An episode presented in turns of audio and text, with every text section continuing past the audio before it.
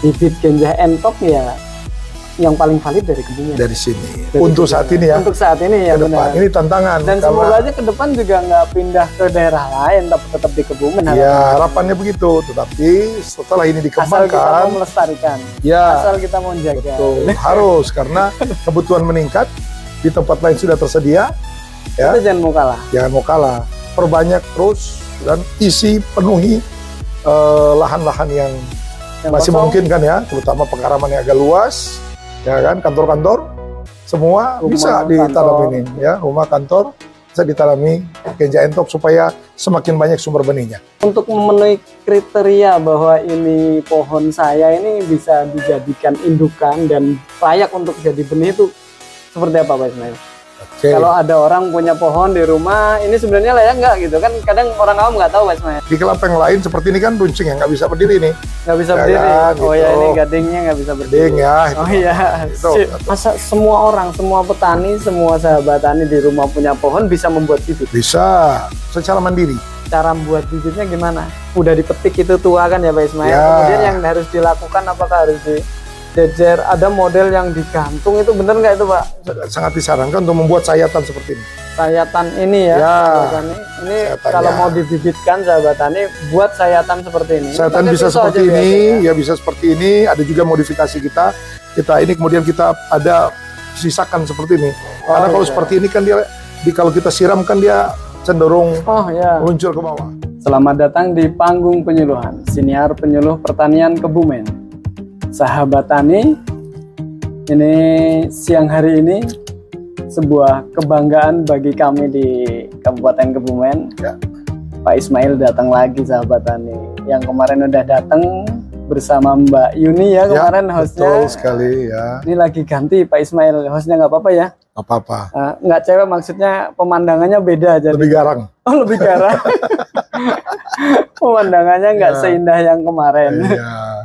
Oke, terima kasih Pak Ismail Iya. sudah apa berkenan datang lagi ke Kebumen dan ini sebuah kesempatan yang cukup langka bisa dibilang kita kedatangan Pak Ismail yang notabene-nya itu buat Kebumen jasanya luar biasa sahabat tani. Beliau ini adalah pelepas varietas waktu itu ya, Alhamdulillah bersama teman-teman tim kita. bersama teman-teman. Tim dari Tapi Balit Palma ya, risetnya kan Pak Kementan. Ismail ya, ya bersama teman-teman kita bersama teman-teman ya. Ini datang ke Kebumen lagi dalam rangka apa Pak Ismail? Bisa di, disapa dulu Pak, sahabatan Oke. Pak Ismail. Assalamualaikum warahmatullahi wabarakatuh. Waalaikumsalam. Salam kelapa dan tetap salam sayang untuk Salam kelapa. sayang untuk kelapa Indonesia. Ini alhamdulillah ini mendapat kesempatan lagi nih Mas Radia. Ya, siap. Kita ditugaskan ya dari uh, Direktorat uh, Perbenihan Dirjen Bun, ya, Bun. kami dari uh, BRIN, Ibu Kapus ya uh, Hortikultur dan Perkebunan menugaskan untuk uh, mendampingi teman-teman dari uh, Direktorat Perbenihan, kemudian dari BPSB Jawa Tengah ya bersama teman-teman di Dinas uh, Pertanian Tanam Pangan ya Pertanian dan pangan. Pangan, ya. Kebumen. Kebumen untuk uh, dalam rangka penetapan ya. Penetapan, penetapan uh, pohon induk tambahan pohon induk tambahan. Ya, Kita sudah punya pohon ini induk yang awal dulu. awal pada saat dilepas PIT ya. saat dilepas dan ini akan ada tambahan lagi. ada tambahan kenapa karena uh, pertama dari uh, kebutuhan benih ya yang terus meningkat benih, Benih, se-Indonesia. iya. Ini luar biasa emang. luar biasa terus meningkat ini ya Terus meningkat. seiring dengan program pengembangan ya kelapa di Indonesia nah Genjah merupakan salah satu apa namanya uh, Unggulan. unggulan ya Unggulan untuk bulan dan entok uh, menjadi jagoan. Jagoannya ya. di Genja. Iya, di Genja. Dengan kelebihan nanti kita bisa ulas nanti. Kemudian alhamdulillah uh, juga ketersediaan uh, Ketersediaan pohon induk. Pohon ya, jadi ada. Jadi di awal uh, kita pelepasan, jadi ada macam potensi ya yang belum terjangkau. terjangkau Ya, dan tanaman-tanaman yang sudah punya umur yang cukup ya cukup tua. untuk sebagai si, apa namanya eh, PIT pohon induk sebagai pohon sumber benih Sumber benih. nah, yang dulu belum terpilih ya umur kemudian produksinya belum memenuhi syarat nah, saat ini uh, melalui pengamatan teman-teman di Iya. dinas ya. Kita nomorin waktu Kita itu nomorin semua ya, Mas Nur Hadi mungkin ikut ya. Ikut Pak. Teman di sini ada Pak Samsu, ya Mas Iya. Samsu, Mas Pak Iwan, dan Iwan, lain-lain. semua dan semua tim lah. Ini sudah bekerja memilihkan ya sesuai kriteria yang kita sudah tetapkan. Iya. Ada rambu-rambunya. Nah, rambu-rambu ini yang dipenuhi, kemudian dapatlah sekian pohon, kurang lebih 600-an mungkin yang 600 diusulkan ya saya. pada periode ini ya ini udah yang kesekian enam kalau nggak salah ya tangan saya di sini yang penetapan yang kesekian kali nah harapannya pada saat kita datang ini ditetapkan lagi dan akan menambah Menambah, menambah pohon induk sumber, sumber pohon benih. indukan terpilih terpilih yang nanti benihnya bisa untuk didistribusikan ke betul seluruh Indonesia. jadi nambah pohon berarti nambah sumber benihnya benihnya yang sekian potensinya per tahun ini ya potensinya 100 meninggal. sekian ya kalau salah 130 Tapi 5.000. ngobrol-ngobrol soal PIT Ya. ini hanya ada di Kebumen, Pak Ismail. sementara untuk PIT Ya untuk PIT. ya masih baru ada di Kebumen Karena memang aslinya sini ya, Kebumen aslinya ya. di Kebumen. Kemudian memang sudah dikembang-kembangkan di daerah Di lain. daerah lain. Tapi belum Belum kan Bisa dikembangkan di tahun PT. apa mulai di bahkan mungkin tahun 2018. 2000 ya di luar karena kan ditetapkan ya. kapan dirilis di tahun 2019. 19 Kemudian eh, baru bisa diedarkan di tahun 2020. 2020. Nah, bertahap lah ini terjadi pengembangan. Nah, kalau di tempat lain ini sudah eh, berbuah, sudah stabil ya, nah baru kita bisa eh, jadikan Melirik itu daerah lain untuk ya sumber jadikan PIT. sumber PIT. Tapi itu sementara ini ya yang paling tua indukannya, tetuanya betul, itu ada di itu sini ya. ada di sini. Yang asli. Jadi kalau sahabat tani pengen dapet apa? bibit genjah entok ya yang paling valid dari Kebumen. Dari sini. Dari Untuk Kebumen. saat ini ya, Untuk saat ini ya ke depan. benar. Ini tantangan. Dan karena- semoga aja ke depan juga nggak pindah ke daerah lain, tapi tetap di Kebumen. Ya harapannya begitu, tetapi setelah ini Asal kita mau dikembangkan, melestarikan, ya asal kita mau jaga. betul harus karena kebutuhan meningkat di tempat lain sudah tersedia, ya. Itu jangan mau kalah. jangan mau kalah, perbanyak terus dan isi penuhi eh, lahan-lahan yang Yang masih kosong, memungkinkan ya, terutama pengaraman yang agak luas, ya kan, kantor-kantor semua Rumah, bisa ini, ya, rumah kantor bisa ditanami genja entok supaya semakin banyak sumber benihnya. Nah ini Pak Ismail, ngobrol-ngobrol terkait PIT ya Pak Ismail. Itu Ya. PIT kan kadang di sini ada petani-petani yang mungkin tidak terjangkau oleh kita petugas Hmm. di lapangan saat pendataan untuk didata Ya. kembali Ya. penambahan PIT. Tapi sebenarnya ada petani yang punya pohon di rumahnya masing-masing. Ini Ya. Oke. saya yakin masih banyak. Nggak hanya di beberapa kecamatan yang kemarin kita keliling kunjungan itu, Ya, tapi di luar itu pun ada orang-orang yang punya pohon ganja entok dan itu benar-benar ganja entok dan bagus pertumbuhannya itu untuk memenuhi kriteria bahwa ini pohon saya ini bisa dijadikan indukan dan layak untuk jadi benih itu seperti apa Pak Ismail? oke. Kalau ada orang punya pohon di rumah, ini sebenarnya layak nggak gitu kan? Kadang orang awam nggak tahu Pak Ismail. Oh. Nah, Paling ini, mudah ini menarik. Ya, yang pertama adalah memastikan, ya kan, Memastikan bahwa pohon itu yang dimiliki oleh penduduk ini kan ya, adalah pohon genja entok. Ciri-cirinya kan entok. sudah sering sudah kita jelaskan kan. kemarin dari Sudah batangnya sama batangnya. Eh, karakteristik daunnya, warna buahnya yang hijau muda, ini kan. Kalau tua Beda seperti dengan ini ya. Oh, beda dengan ini, ini, ya. ini genjah lain, ini warnanya kuning. kuning. Ini jelas hijau. Entok yang hijau seperti, seperti ini. ini. sahabat Nah, ya. Sehingga itu memastikan dulu. Itu kaitannya dengan kebenaran varietas. Kebenaran varietas. Varietas genja entok Genja punya ciri-cirinya. Nah, kalau sudah, kita tentu memperhatikan terkait penampilan, performan dari pohon itu. Dia harus sehat. ya kan? Harus sehat. Sehat. Selain punya tadi punya batang yang kecil, tidak punya bol. Udah ya kan? dipastikan Pastikan genja entok. Tapi juga harus, sehat. Pastikan kesehatannya Iya. bahwa itu tanaman terurus ya. Terurus Ya, Tadi ditandai dengan lihat. apa? Daunnya yang tidak terserang hama, ya kan? Terserang hama. Kemudian juga kaitannya dengan produksinya. Ya Ada, kan? ada Ada batas buah- minimal produksi. Iya, buah minimal 7 butir. Satu tandan Satu minimal tujuh 7 butir. Ya, dan harapannya penuh ini sampai di atas standarnya. Kelapa kan tidak punya musim.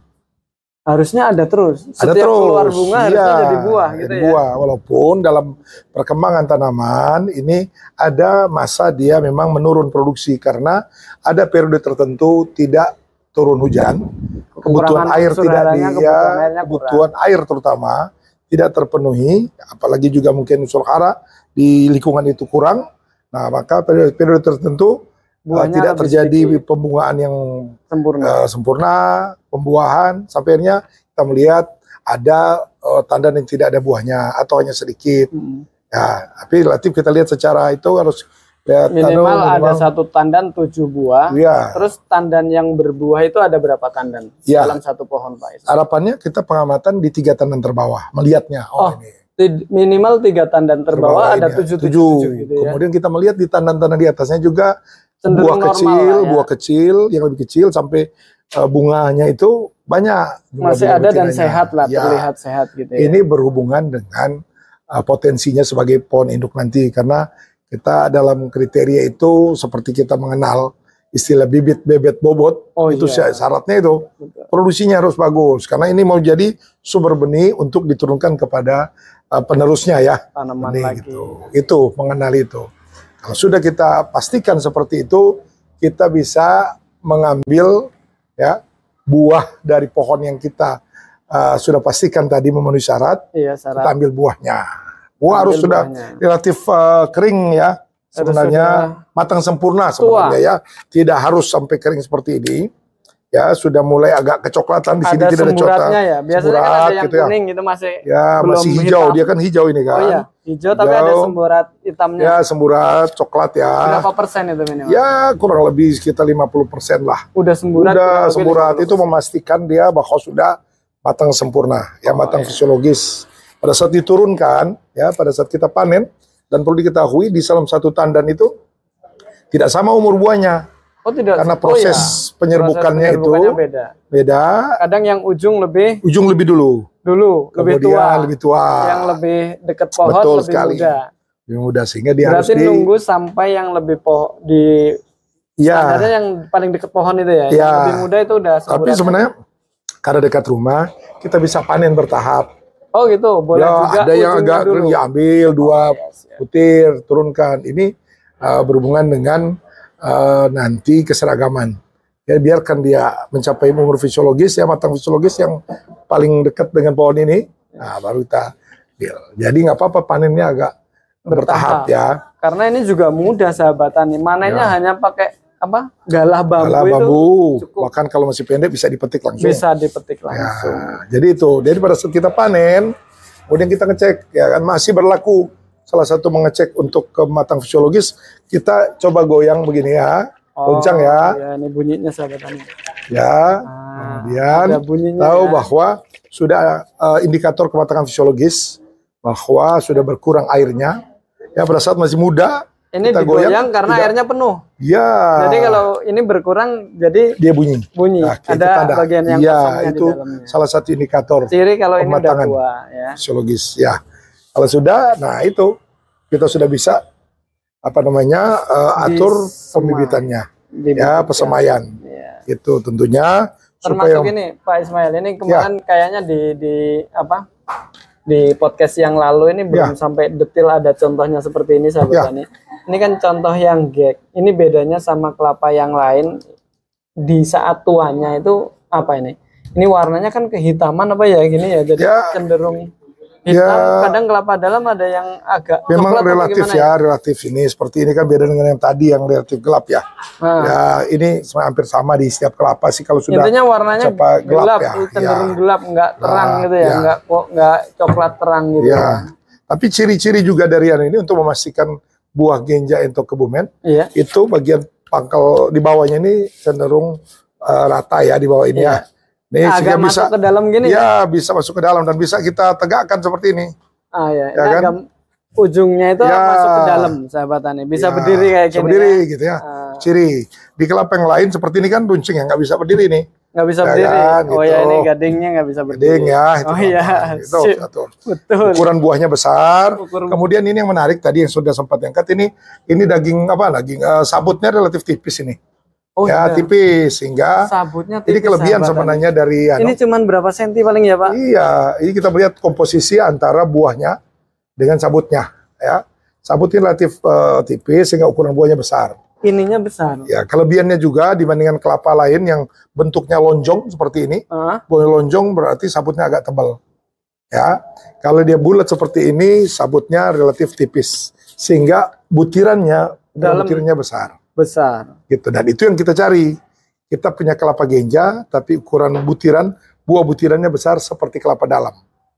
Itu ini kelebihan genja entok sebenarnya kunci salah satu kunci ada di performan dari ataupun penampilan daripada buahnya yang tadi Tidak kalah Ya, sama kelapa tidak dalam kalah yang seperti kelapa dalam yang kita harus menunggu lama, menunggu lama, kemudian dia cepat tinggi, tinggi, gitu. susah metiknya. Ya. Dan ini mudah metik tapi nggak kalah sama Nggak kelapa kalah dalam. sama kelapa dalam. Itu ya. Oke. Oke, ini ciri-ciri itu ya supaya kita ada kebanggaan juga dalam menanam ya pada saat kita bangga punya kelapa seperti ini kita tadi berniat untuk mengambil buah kemudian disemai untuk ditanam sendiri. lagi Aslinya semua semua orang, semua petani, semua sahabat tani di rumah punya pohon bisa membuat bibit bisa secara mandiri ya secara mandiri ya. ya karena itu nanti bisa untuk ya tadi eh, paling itu adalah untuk ditanam lagi di, Di tanah yang sekitar. lain ya kemudian bisa untuk tetangga Ya. bisa untuk teman juga saudara Iya. ya berbagi ya berbagi eh, Saudara-saudara di luar gitu ya. Jawa itu banyak yang nyari yang nyari.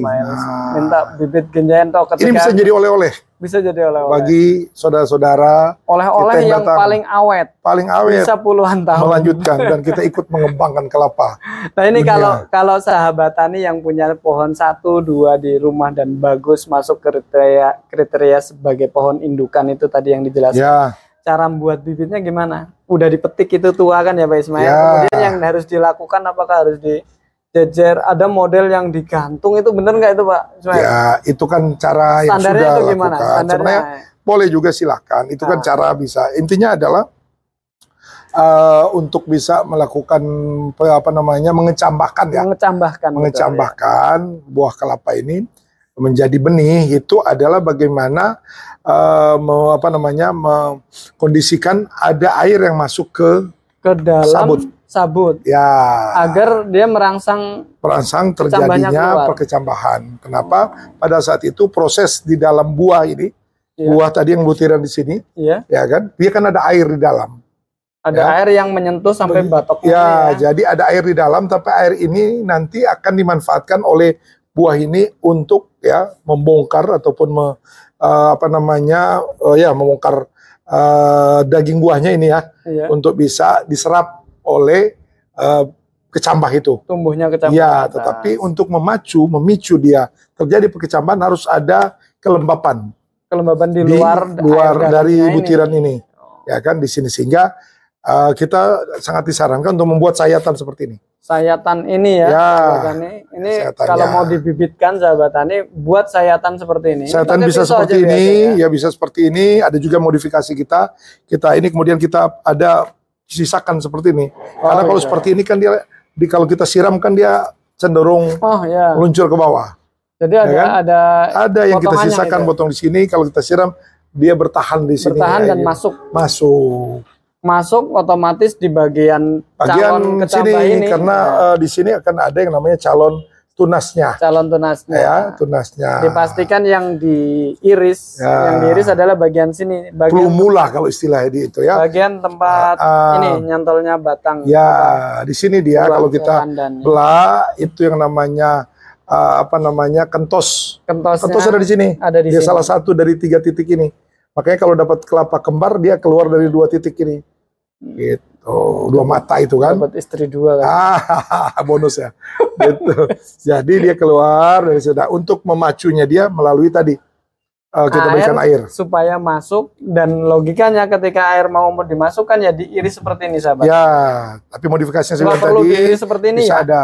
Ya, Nggak perlu, Nggak perlu seperti itu, tapi karena cukup segini. kalau ini mengurangi tadi kelembapannya. Kelembabannya malah keluar, Keluar. kayak gini. Kalau dibuka semua ya. Semua. Nah kalau ditutup seperti ini semua, Ya, otomatis itu akan lebih lama berkecambahnya karena maka- tidak dimasuki Ya, air dari luar. Iya, Gitu ya. gitu mempercepat terjadi perkecambahan. Perkecambahan. Oke. Oke. Makanya juga uh, pada kondisi menunggu ataupun pada saat periode menunggu dia berkecambah itu harus tetap di, di apa namanya diatur supaya lembab tadi kita pakai naungan supaya tidak terlalu panas, Panas. karena kalau panas mempercepat penguapan Cepat kering Ya, otomatis kita- air yang kita siramkan. situ. tuh nah makanya Itu kita juga bisa harus pakai disiram rutin. Satu Ya. dikasih naungan, supaya Naungan. tidak mataharinya ter- Ya. terlalu terik. Ya Kemudian biasanya kan disiram. kita tempatkan di bawah pohon Oh iya, ada yang ya kalau di rumah ya Iya, nggak perlu bikin-bikin itu lagi tempatkan di bawah pohon saja ini kan mandiri ya iya. bawah pohon kemudian ya tadilah dibagikan air ke ano ke buah ini disiram Jangan sampai supaya kering. Walaupun udah dibuka, ini kalau Ya. nggak pernah disiram ya kering, juga. kering Nah, menjaga kelembapan di dalam untuk bisa terjadinya perkecambahan Lebih cepat berkecambah Secara dan kecam- kecambahnya otomatis sehat kalau Ya. kalau di dia tumbuh akarnya keluar sudah ada Ya, di bagian sabutnya gitu Betul. ya. seperti itu Dan itu sudah menjadi bibit dan itu sudah bisa untuk dibibitkan ya. Contohnya ya ini ya Pak. betul Pak ya Ismail. gimana, nah, gimana? ini contohnya langsung kita bahas ini Pak Ismail. Nah ini contoh bibit semua ini bekas apa Sayatan, sayatannya ada sahabat tani. ya Dengan adanya sayatan otomatis tumbuhnya bibitnya ini bisa lebih sempurna dan lebih sehat ya. Betul Nah ini ini mengetahui ini Ya. langsung kupas langsung Ya. Pak Ismail ya mengetahui bibitnya ini bagus atau tidak, kemudian ini genjah entok apa bukan, ini yang paling sering di di apa panggung penyuluhan ditanyakan oleh netizen itu. ya Ini tahu mau tahu kenapa ganja entok yang beneran itu dan bagus bibitnya itu seperti apa? oke Ini mungkin singkat dijelaskan Pak Ya. Ismail dari apa yang ada di hadapan kita ini termasuk Oke. sehat apa enggak, kurang apa ini. Ya, oke. Yang pertama tadi seperti yang saya bilang kita harus kembali ke menentukan benar nggak ini buah. Bibit ini berasal dari pohon dari yang tadi. Kalau yang tadi secara mandiri, ya teman-teman, ini sudah pasti kita sudah tahu. pasti ya. Oh dari ini situ, kita tahu ibu kita. ibunya dari mana. Ibunya Ya kan bapaknya bukan urusan kita. ibunya yang paling penting kalau di kelapa kan. Bapaknya kita nggak tahu karena penyerbukan silang ya. Iya bisa Jadi nggak tahu, nggak perlu tahu siapa bapaknya. Yang penting kita ambil dari induknya, dari ibunya. Ibu entok. Induk ini kalau punya sendiri nggak masalah kita sudah tahu. Iya. Tapi kalau kita harus membeli, kita harus pastikan uh, ciri-cirinya. Karena kita uh, sulit untuk menelusuri. Ini yang membeli dari mana, ngambil Iya. dari pohon mana. Ya kan? Pada Iya. saat kita membeli, kita harus punya yang namanya uh, kriteria. Ya, Kriteria pertama lihat ukuran buahnya. Kalau seperti ini kan kita bisa lihat. Kalau kita ketemu ngaku genja entok, Tapi bentuknya ukuran dan gini, bentuknya seperti ini berarti bukan. bukan Dari segi uh, apa Fisik bentuk, apa ukuran dan bentuk. Ukuran dan Ini kan ukurannya relatif kecil, bentuknya lonjong. iya. Genja entok besar, relatif Cenderung besar, bulat ya. bulat. Itu satu. Kalau warna nggak bisa lagi, sudah jadi coklat semua. Padahal asal usulnya dia hijau, Hijau, ya yang masih tadi ada semurat kan, iya. lama-lama jadi nggak bisa lagi jadi indikator itu. Semua jadi coklat itu. Ya, tapi yang bisa menjadi indikator berikutnya adalah eh, apa namanya ini eh, pangkal pelepah ini. Pangkal Ya. ini ya. Ya ini lah. Iya. Ya kan pelepah seperti itu. Bibitnya. Ya, dia wajib hijau, Oh, teman-teman. wajib hijau. Kalau dia keluar kuning, ah, berarti bukan Kuning atau merah biasanya? merah. Cenderung merah. Yang nggak ada itu. biru. Biru nggak ada. Nah, gitu ya. Pink apalagi. pink apa lagi ya? Oke, kelapa pink. Nah, itu mah anu lain lagi itu karena ada ada sembur justru ada itu yang namanya Oh, kelapa Kelapa. kelapa itu ya, benar. ya, Yang kelapa. cungap merah. Ah, Nah, itu akarnya pun pink itu. iya Itu iya. ada. Itu malah mahal. Nah, nah, kalau ini hijau aja. Ini hijau. Ya, ini hijau. penciri bahwa Indikator bahwa dia genja entok. ya. dari Jadi ukuran bentuk genja entok ya. Nah, ini akan terjadi apa namanya? Kalau kita bisa memastikan itu lebih bagus kalau ada pembanding. Ya kan? Berarti yang bentuknya, ukurannya, warnanya. Nah, pada saat dia seragam berarti kita pastikan dia sudah entok semua. sudah entok semua. Ya, bibit kalau kita mau beli banyak, Oh ya, iya, kalau kalau cuma beli satu, ya kan? Kita beli banyak, kita pastikan itu. Kemudian dari kesehatan bibitnya. bibitnya. Ya pertama dari warnanya ini hijau kan nggak ada percak-percak kuning ada, ya. nggak ada coklat gitu yang mengindikasikan ada uh, kekurangan unsur hara. ya ke- pertama. Atau serangan kedua penyakit serangan hama atau ya. penyakit. Penyakit fisiologis itu unsur hara. Unsur hara. kalau penyakit yang lainnya bisa menyebabkan percak-percak gitu kan patogen. Kalau hama berarti ada gigitan-gigitan. Ya, ya. Nah, pastikan dia sehat karena ini bibit bebet bobotnya dilanjutkan di sampai ini. Sebelum kita jadikan sebagai eh, apa namanya benih penerus, benih penerus di tempat kita penerus tempat kita. bagian dari keluarga kita ini Keluarga rumah. kita, Jadi mau, ya mau kan? milih sama kayak milih istri ya? Iya, jangan salah pilih. bibit bebet bobot itu Oke, ya pastikan ya. Jadi secara ini fisik bisa kita lihat. fisik dilihat Kita harus tahu juga asal usulnya dari mana. Dari ya kan? kebumen itu pastinya ya gitu karena ya. sumber PIT hanya di kebumen Iya. Sekarang ya. sekarang Ikut, ya hati-hati dengan saingan. hati-hati dengan saingan Oke, bibit beres ya. Oke, bibit lagi ber- oh satu bibit, lagi ya. terkait bibit Pak Ismail. Ya. Banyak di di channel kami itu di panggung penyuluhan itu yang bertanya bagaimana eh, kualitas bibit berlabel dan tidak berlabel. Boleh ditanyakan Wah, itu. ini asik ini. Kan? Jadi Karena saya ini beli, misalkan ada beli ada keluarga di Kebumen punya bibit, tapi kayak yang kayak cerita tadi dia belum masuk PIT karena memang tidak tidak di kumpulan populasi yang banyak jadi tidak terdaftar di PIT. Ya. Tapi dia udah berusaha membibitkan dengan cara dia sendiri, dengan cara tadi sehat kemudian. Nah itu kan nggak mungkin dilabelin ya, nggak mungkin dilabelin karena ada kebijakan pelabelan, sertifikasi itu ada kebijakannya tersendiri. Nah ini banyak yang nanya di channel kami itu bibit berlabel dan tidak berlabel Hmm. itu bagus mana atau seperti apa itu? Harusnya milih yang seperti apa kalau orang mau nanam itu? Oke, nah ini menarik ya. Iya. Saya memberikan kata kunci di cerita bibit berlabel atau tidak berlabel. Iya. Kata kunci di situ yang kita cari adalah jaminan. Jaminan. Iya. Ada yang menjamin atau tidak ada yang iya, menjamin, gitu ya. jaminan. Terjamin atau tidak. Ya kan? Dengan Jaminan keunggulan, bahwa ini- jaminan kebenaran. Ya, tadi yang kita bicarakan dari awal eh, untuk satu varietas yang dicari pertama, informasi adalah kebenar. Benar gak ini geja entok? Gitu. Kalau tidak sesuai kriteria berarti bukan bukan kebenaran. Berarti Iya. kita harus cek asal usul tadi. harus Di mana ngambilnya? ke indukannya di Indukannya kita cek berarti pohonnya Ada benar gak ini, ya Dia kan? atau dari mana? ya. Itu yang benar-benar kita telusuri, ya kan? Sama seperti kalau di mencari pasangan harus mengecek Oh iya, siapa orang tuanya, siapa? bapaknya siapa, Bapaknya. ya kan? Tinggal di mana, betul. neneknya siapa, kan begitu ya? Oh, itu itu ya. pasti salah satu ya. Jangan karena sudah cantik kemudian dia tutup mata kemudian Ah, ya. payah itu. Ah. Banyak yang cantik. Oke. Nah, pada saat penelusuran itulah ya kan yang kita mau menjamin. Nah, pada saat kita bertemu dengan kondisi bahwa sudah tersedia bibitnya, Iya, pertanyaannya berlabel atau tidak, iya, ya kan? betul. Berlabel berarti sudah melalui yang namanya pengecekan, pemeriksaan oleh yang terkait Yang berwenang berwenang, ya tentunya di yang berhubungan dengan sertifikasi. BPSB dan BPSB berarti ya. Sudah sudah turun, mereka cek, mereka yang telah mengecek kebenaran varietas tadi dan keunggulan tadi, ya. Kemudian juga syarat-syarat eh, benih butiran Iya. tadi, butiran yang kita tunjukkan tadi, butiran ini seperti ya, ini udah benar, udah benar bahwa ya, ini dilanjutkan dengan bibit yang sudah benar. Semua itu ada syarat-syaratnya. termasuk kegiatan Pak Ismail hari ini di sini. Ya, itu bagian dari bagian bagaimana dari menambah Pohon induk terpilih. pohon induk terpilih yang nantinya buat BBSB sebagai acuan bagaimana berapa betul. kuota pelabelannya. Ya, tidak boleh melebihi kuota. Eh, tidak boleh melebihi kuota Ya, produksi. kalau melebihi PIT. berarti ada sesuatu di situ. Eh, BPSB-nya ada sesuatu. Ya, maksudnya ada sesuatu di penangkarnya. Di penangkarnya. Berarti lebih dari itu ya harus bisa dijelaskan. Oh, Karena gitu. potensinya kan sudah jelas berapa. potensinya gitu ya. dari Kalau PIT lebih, yang ya, tadi kita hitung berarti ada yang- yang usulan ya, sekarang ini 600-an ya. itu ya Pak Ismail ya. Betul, tambahan ya. Tapi sebelumnya kan sudah ada.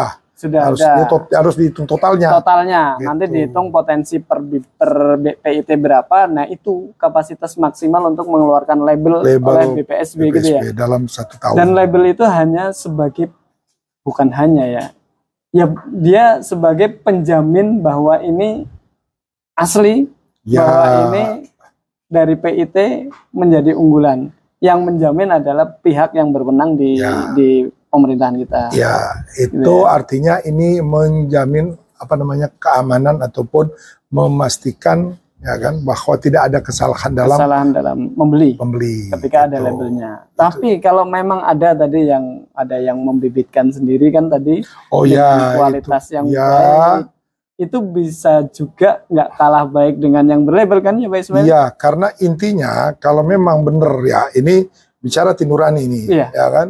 Ada saudara, Saudaranya perjualan antar saudara ini kan, lah ya, dipercaya, Ya, ya kan? Om kita ngasih. Benih kan? Nah, kemudian oleh-oleh. Nah, kalau kita mempertanyakan label, ya beliau belum bisa memberikan. Belum, iya, karena tidak proses itu yang dilalui, iya betul. ya kan? Yang ini adalah bagaimana kita menjamin, ya menjamin itu yang namanya genja entok. Kalau disebutkan genja entok dan sudah memenuhi kriteria yang tadi, Yang tadi yang perlu kita pahami ini berhubungan dengan genetik, ya. genetik. Iya, mutu genetik ya. Jadi kalau genja entok itu diambil dari pohon yang bibit yang genja entok dari pohon yang tadi dia iya dia akan mewariskan sesuai dengan induknya. sesuai dengan itu. Iya, kenapa ini berbeda dengan tipe kelapa dalam yang akan cenderung terjadi persilangan ataupun genjah lainnya yang mudah terjadi persilangan. Genjah entok ini hasil penelitian kita waktu pelepasan tingkat apa namanya kesetiaannya ini Nggak mudah selingkuh. Iya, kenapa? Wah. Kelapa dalam itu cenderung terjadi Mudah persilangan selingkuh. tadi. Selingkuh Hmm. karena eh, apa namanya of, eh, tapi namanya perbedaan eh, periode bunga betina dan bunga jantan. Oh, yang gitu, jantannya sama. sudah selesai Sudah di satu tandan baru oh, siap bunga, Bunga betinanya. betinanya Dia dapat siap. dari tetangga. Oh gitu kalau kelapa Genja dalam gitu entok, karakternya. ya, Kalau genja- genja entok sama Genja entok bareng. ini dia terjadi overlapping yang sangat besar ya waktunya. Hmm. Ya sangat apa panjang ya bukan waktunya. Yang demikian dia cenderung mendapatkan serbuk sari dari pohonnya dari bunganya yang terdekat. Iya, dari pohon yang sama. Bunga yang sama. sehingga terjadi itu sehingga ada jaminan di situ. Kenapa Jamin. kita bisa buktikan di lapangan kita melihat eh, tanaman yang kita identifikasi ganja itu batangnya lurus, sama tidak ada bol. Iya. Kenapa? Karena berarti itu ada eh, kestabilan genetik, tidak terjadi persilangan antar pohon. Gitu. Walaupun ada kelapa dalam di tetangga, si tang dia tidak tertarik menerima karena dia sudah ketemu dengan eh, apa namanya Bunga pasangan satu rumah. setianya. ah Nah, bunga di satu bunga rumahnya yang, dalam- terdekat situ dalam satu terdekat. bunga itu. Jadi nggak kemungkinan dibungai, diserbuki oleh bunga Betul. lain. Nggak seperti kelapa dalam ya. itu itu seperti Jadi itu. ketika prinsipnya kalau sahabat tani mau beli milih berlabel atau tidak berlabel itu tergantung mau dijamin oleh siapa gitu ya. Ismail ya. gitu. Kalau berlabel aslinya artinya sudah dijamin oleh pemerintah dalam hal ini ada proses panjang, ada BPSP dan lain sebagainya yang meneliti bahwa kebenaran paritasnya dan lain-lainnya. betul. Nah kalau sahabat tani mau membeli tidak berlabel pun nggak apa-apa kan ya, asal yang menjamin itu benar-benar dapat Ya, ini tingkat kepercayaan dan hati Nah, nurani. Hati nurani. Si yang mau Misal, menjual ah, itu. Si yang mau menjual. Omnya misalkan nggak bohong. omnya mau bohong sama Oh, sama ponakan. ponakannya itu bisa bisa Ya. artinya boleh silakan di Tapi sesuai aturan, punya aturan untuk peredaran benih itu Hmm. Ya harus, Harus. berlabel. untuk peredaran skala luas Ya, peredaran. Kalau Antar- bertetangga mungkin bertetangga Ya. satu desa sama-sama kebumen karena gitu kita ya. harus membawa satu bibit ke sertifikasi terlalu jauh. iya Iya. tapi harapannya tetap harus di labelin Iya. aturannya itu Aturannya. Kalau Ya. tidak memenuhi, kita akan disalahkan. oh gitu, Gitu ya. walaupun kualitasnya juga bisa jadi nggak kalah dengan yang Ya, karena ini itu tadi genetiknya. ya genetiknya Ya, itu sesuai jaminannya kan. Jadi kalau bahasanya Pak Ismail kemarin ada mutu fisik sama mutu genetiknya Genetik, itu betul. tercapai semua bah- bah- bahwa itu genja entok yang bagus. Aman kita yaitu dalam aman menanam. kita dalam menanam. Ada kepastian jangka panjang. Kepastian dalam jangka panjang. Itu Kita jangka memetik. panjangnya lumayan ternyata Ya. sahabat tani bisa sampai 50 tahunan. Ya, tapi diawali dengan jangka pendek. Dua tiga tahun sudah mulai keluar. Ya, kita lihat penampilan buahnya. Itu dia yang mau saya tanyakan Oh, lagi Pak Ismail. ya. Ini terlalu panjang nggak podcastnya? Nanti bisa dibuat se- dua segmen lah ya Pak Oh, Ismail. ya? terserah. Nggak apa-apa ya. Silakan. Ini banyak banget pertanyaan dari sahabat Mumpung tani. kita lagi asik Iya. diskusi ini. Ya kan? Ini masuk lagi ke semangat ini. masuk ke itu tadi apa budidayanya ini kan ya budidaya. Tadi kan benihnya, bibitnya sudah dijelaskan. Sem- Semoga sahabat tani bisa mengambil pelajaran dari obrol- obrolan kita ini. Kemudian ada lagi yang tanya Pak Ismail itu terkait bagaimana budidaya sampai kita eh, membuat apa kelapa ganja ini entok ini benar-benar ganja. Karena kadang ada kegenjahannya kecepatan berbuahnya itu ternyata berbeda-beda ya Pak Ismail ya? Ya, ada yang uh, dua tahun katanya dua tiga tahun sudah berbuah ada nanam tapi kok belum berbuah sampai empat tahun itu yang mempengaruhi apa Pak Ismail Mis- oke. misal sudah dapat sama-sama bibit yang kualitasnya sama tadi ya kemudian kok tingkat berbuahnya itu berbeda-beda lama berbuahnya itu kenapa Pak Ismail Oke. Kita ada dua yang harus diperhatikan di situ ya. Nah, Pertama, ya kita harus tetap uh, kembali bahwa uh, di dalam ilmu anu ya, ilmu genetika genetika. itu ada yang namanya genetik dan lingkungan. genetik dan lingkungan. Apa yang kita lihat itu ya, performa tanaman itu dipengaruhi oleh genetik dan lingkungan. Secara genetik kalau sudah dipastikan pun tadi tadi bahwa kelapa entok ini kan asal muasalnya dulu mungkin dua tiga pohon ya. Oh ya dulu kemudian disebarluaskan dua tiga pohon ini kan dulu beragam dia berbeda mereka. Walaupun kakak beradik tetap beda. Tidak identik. Ya, Ya kan? betul. Ketidakidentikan ini yang terus menyebar dan menyebabkan keragaman. Ya keragaman dari pohon. Jadi relatif sama punya karakter yang sama. Ya kan? Rambut Relatif. sama lurus iya. kulit sama putih, ya kan? Tinggi relatif sama. Ada hal secara genetik yang membedakan antara kakak beradik, ya kan? makanya banyak kakaknya Dia tidak kembar gitu siam ya. ini tidak terjadinya, kan? siam, ya. Keragaman genetik itu yang akan bisa terekspresi di lingkungan pada saat kita tanam. Bahwa ada yang relatif cepat, ada yang relatif lambat berbunga. satu dari genetiknya Genetik. Tapi penentu, ya setelah walaupun genetik bagus tapi tidak didukung dengan lingkungan, lingkungannya nggak bagus nggak bagus, kurang nutrisi, kurang air, airnya nggak pernah disiram Ya, tidak pernah disiram, ya dia lambat akan berbuah. Oh itu Jadi pengaruh perhatian. besar juga Pengaruh ya. besar. Ya, kita kemarin sudah sempat jalan ya Iya. beberapa tempat. Bagaimana perbedaan antara pohon yang Dekat eh, sumber dekat air. sumber air, wah itu Stabil. buahnya banyak dan stabil. stabil ada terus Kemudian di tempat lain itu ada yang relatif kurang buahnya. kurang buah. Kemarin lumayan bagus karena mungkin ada curah hujan beberapa bulan ya. Nah, itu. Jadi eh, bagaimana kita menyeragamkan itu ataupun mengharapkan bisa optimal ya di cepat berbuah tadi Hmm. yaitu syarat-syarat ketentuan berlaku. Penuhi airnya, penuhi nutrisi. Mari berbagi dengan kelapa ya. Terutama tadi Menyiram. airnya, ya paling tidak menggunakan air yang sisa sisa-sisa tanaman yang di podcast kemarin Ya, saya di rumah kan, itu. gitu kan. Habis cuci Kemudian- beras atau apa, sudah. ke situ gitu ya. Kemudian ada serasa-serasa yang itu yang di Taruh di sekitar, sekitarnya. taruh sekitar. Jadi pupuk. Itu sudah perhatian. Komunikasi dengan tanaman itu sudah terjadi. Itu otomatis akan Nah. lebih mempercepat proses. Ya, itu lingkungan tadi ya. Memberi lingkungan kondusif. Artinya keunggulan genetik Ya. ketika tidak di, diperhatikan lingkungannya itu nggak jadi baik juga ya.